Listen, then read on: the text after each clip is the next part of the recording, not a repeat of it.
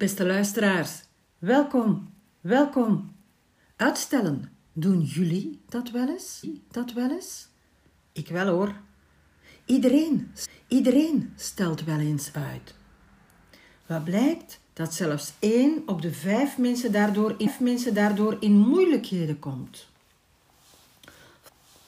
Vooral mensen die impulsief zijn of die gevoelig zijn voor een beloning, die lopen gevaar. Lopen gevaar. Nu, natuurlijk er, bestaan, natuurlijk er bestaan verschillende methodes om voorrang te leren geven aan wat je moet doen. En, en soms kan uitstellen zelfs ook, zijn, zelfs ook zijn voordeel hebben. Maar uitstelgedrag kan ook funeste gevolgen hebben. Funeste gevolgen hebben. Waarom doen we dan zo vaak iets, zo vaak iets anders dan wat we horen te doen? Er zijn heel wat mannen en mannen en vrouwen die structureel, structureel zaken voor zich uitschuiven. Dus niet eens een één enkele keer uh, dat, uh, dat vervelende klusje of die, aangifte, of die aangifte van die belastingen doen, maar die eigenlijk, die eigenlijk structuur hebben ingebouwd om dagelijks uit te stellen.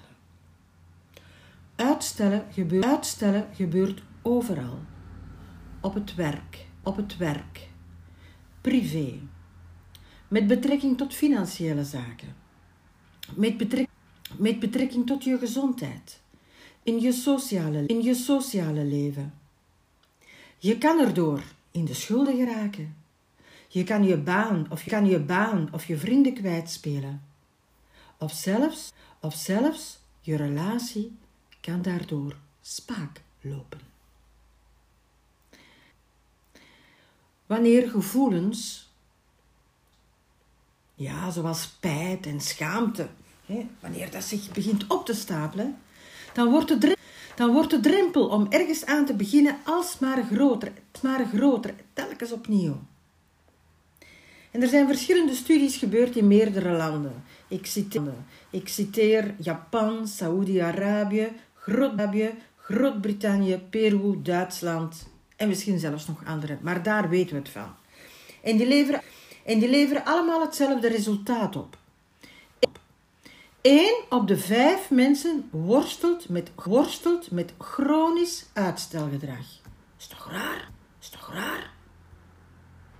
En dat is gebleken in 2017 op de 10e internationale, internationale Procrastination Research Conference in Chicago. Is amper, is uh, amper drie jaar geleden. Nu, voor alle duidelijkheid, mensen die uitstellen, die zijn niet lui, maar die zijn vaak zo druk, zo druk bezig met de verkeerde dingen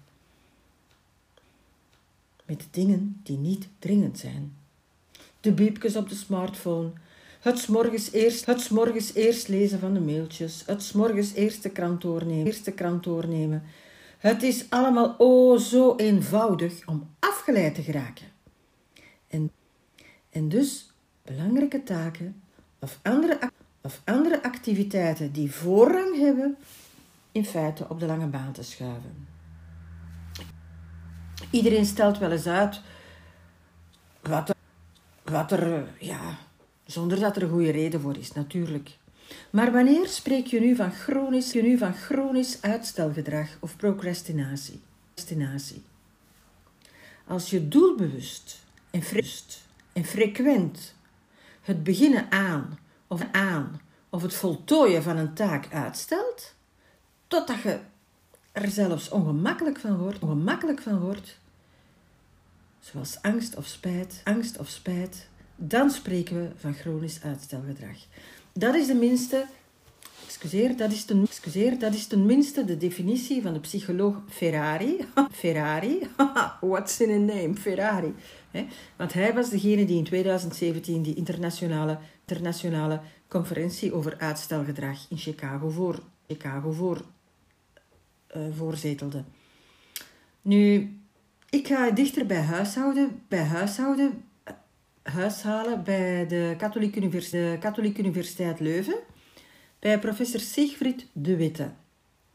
En die zegt, die zegt Chronisch uitstelgedrag is, gedrag is de beslissing om iets uit te stellen in het volle besef dat je daarmee je, daarmee je kans op succes, op slagen vermindert. Slagen vermindert.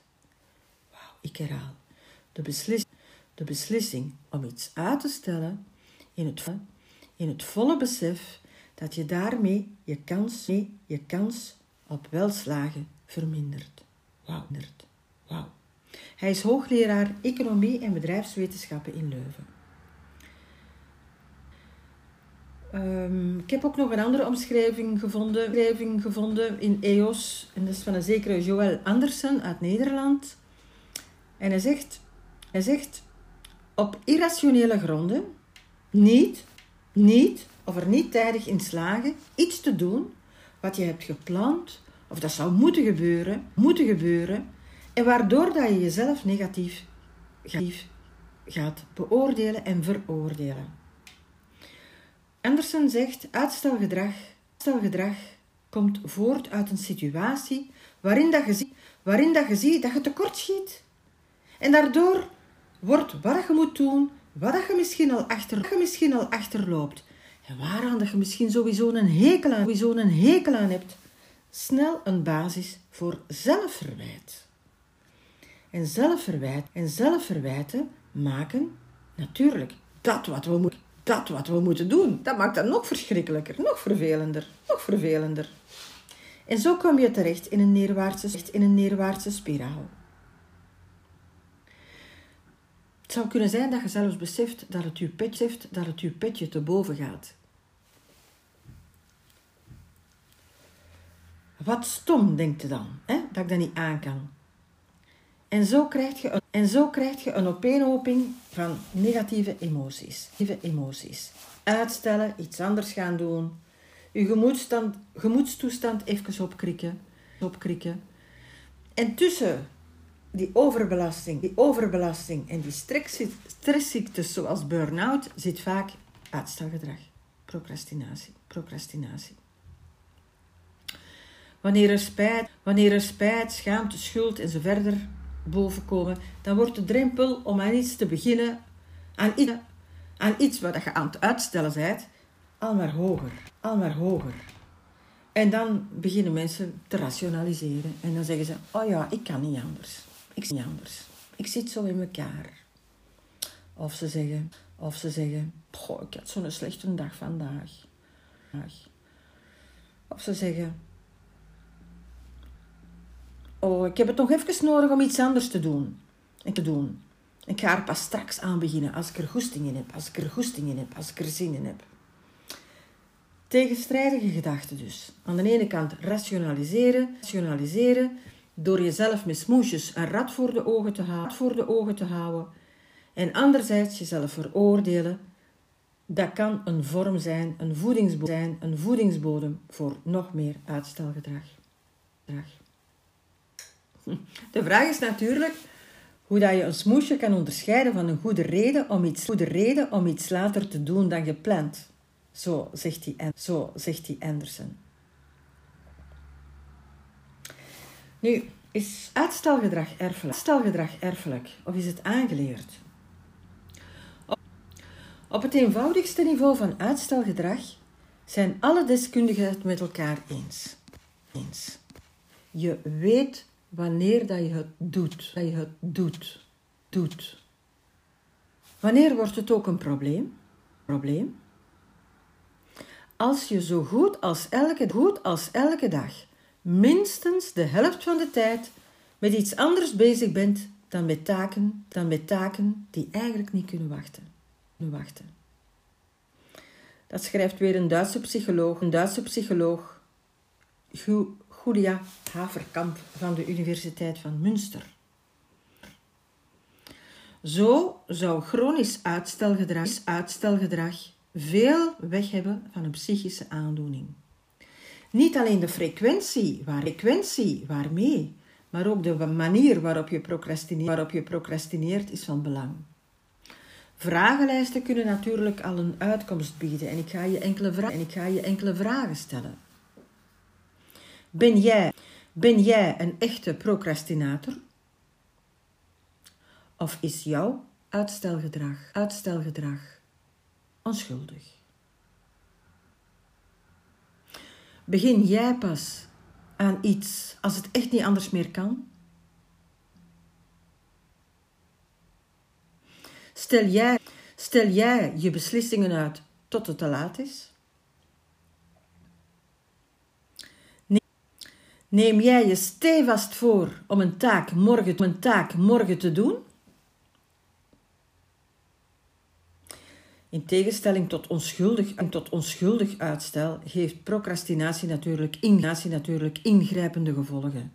Zoals jezelf of als jezelf of andere mensen schade berokkenen, jou berokkenen, jouw organisatie, jouw school, jouw bedrijf schade berokkenen, doelen ondermijnen en natuurlijk blijvende, natuurlijk blijvende schaamte die telkens maar vergroot.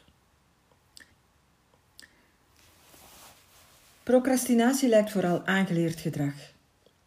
Op een gegeven, op een gegeven moment ontdek je dat het loont om je, taken, om je taken vooruit te schuiven. Toch zeker op korte termijn. En daarom ga je het vaker doen, het vaker doen, zodat het zich ontwikkelt, ontwikkelt tot onderdeel van je dagelijks handelen. Het wordt een gewoonte.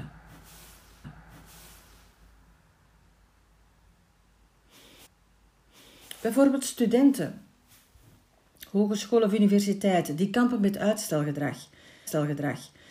Die beginnen systematisch te laat aan hun taken, aan hun taken. Ze komen er helemaal niet toe.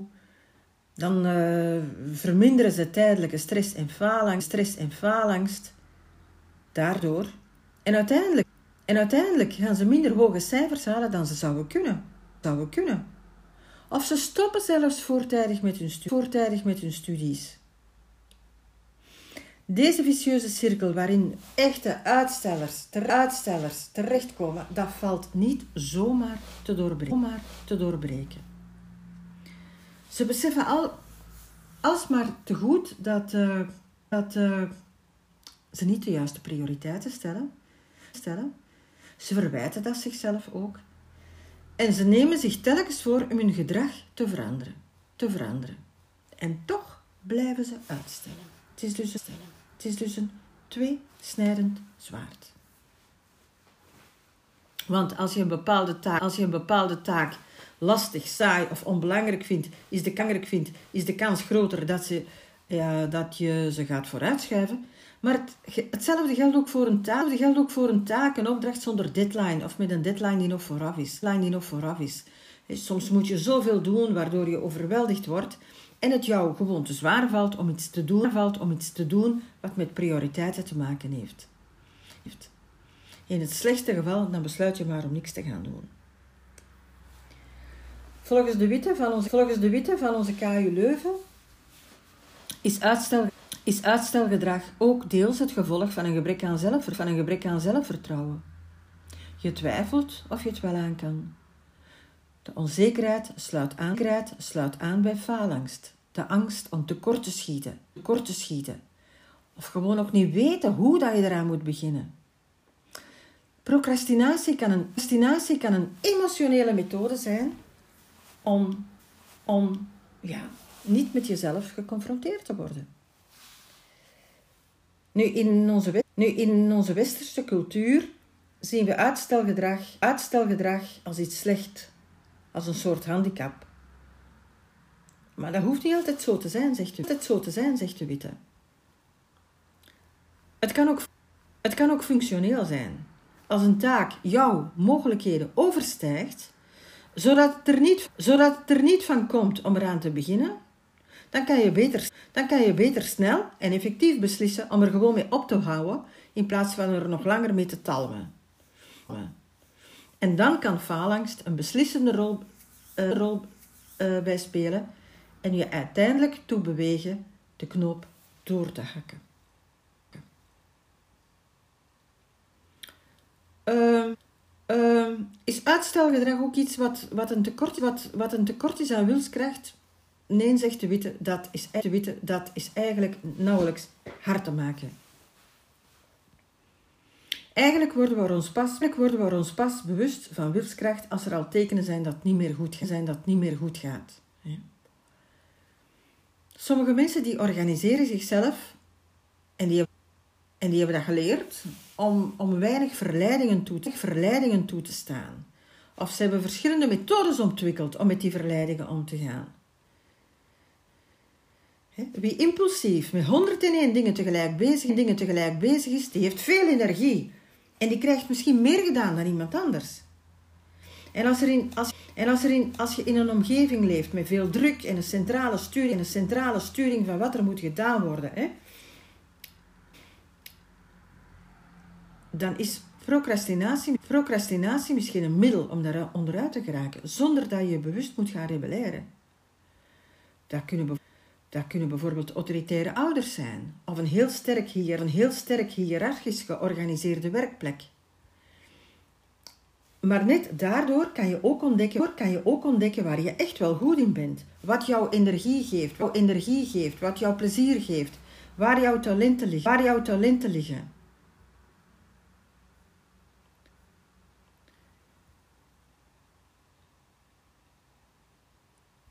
Motivatie hangt, motivatie hangt ook samen met doelgerichtheid. Als je, een sterk, als je een sterk doel formuleert, een resultaat op de lange termijn bijvoorbeeld, waarin jouw huidige gedrag, een gedrag, een sterke impact heeft, dan duwt de motivatie, duwt de motivatie jou in die richting. Je gaat bepaald gedrag vertonen, zoals werken aan je carrière, werken aan je, werken aan je volgende baan, werken aan je zelfstandige zaak, werken aan je zaak, werken aan je studies, werken aan je sociale netwerken. Uitstelgedrag is dus relatief. Be bekijken we het door de lens, door de lens van een bepaald doel, dan kan je daar laag op scoren. Maar terwijl je hoog kan, maar terwijl je hoog kan scoren op onderhoud van je huis of sociale en, familie, sociale en familiale contacten. Want daar heb je dan geen uitstelgedrag in.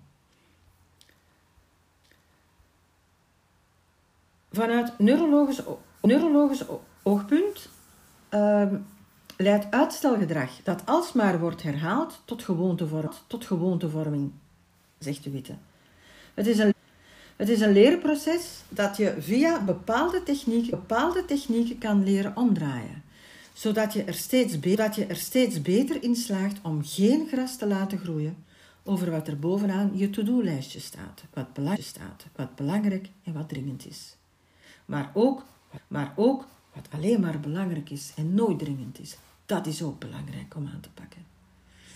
Maar maar als procrastinatie een dieperliggende oorzaak heeft, de oorzaak heeft zoals extreme faalangst, of, of als het een symptoom is van een psychische aandoening, aandoening, dan moet je echt wel op zoek gaan naar professionele hulp. Ik ga binnenkort in een live webinar vertellen, vertellen hoe je van uitstelgedrag volgens wetenschappers ervan af kan geraken. Geraken. Benieuwd? Ga naar mijn website, website www.carinaverhoeven met. Schrijf je in voor mijn nieuwsbrief en ontvang, en ontvang binnenkort de uitnodiging. Dank je wel, dank je wel om te luisteren.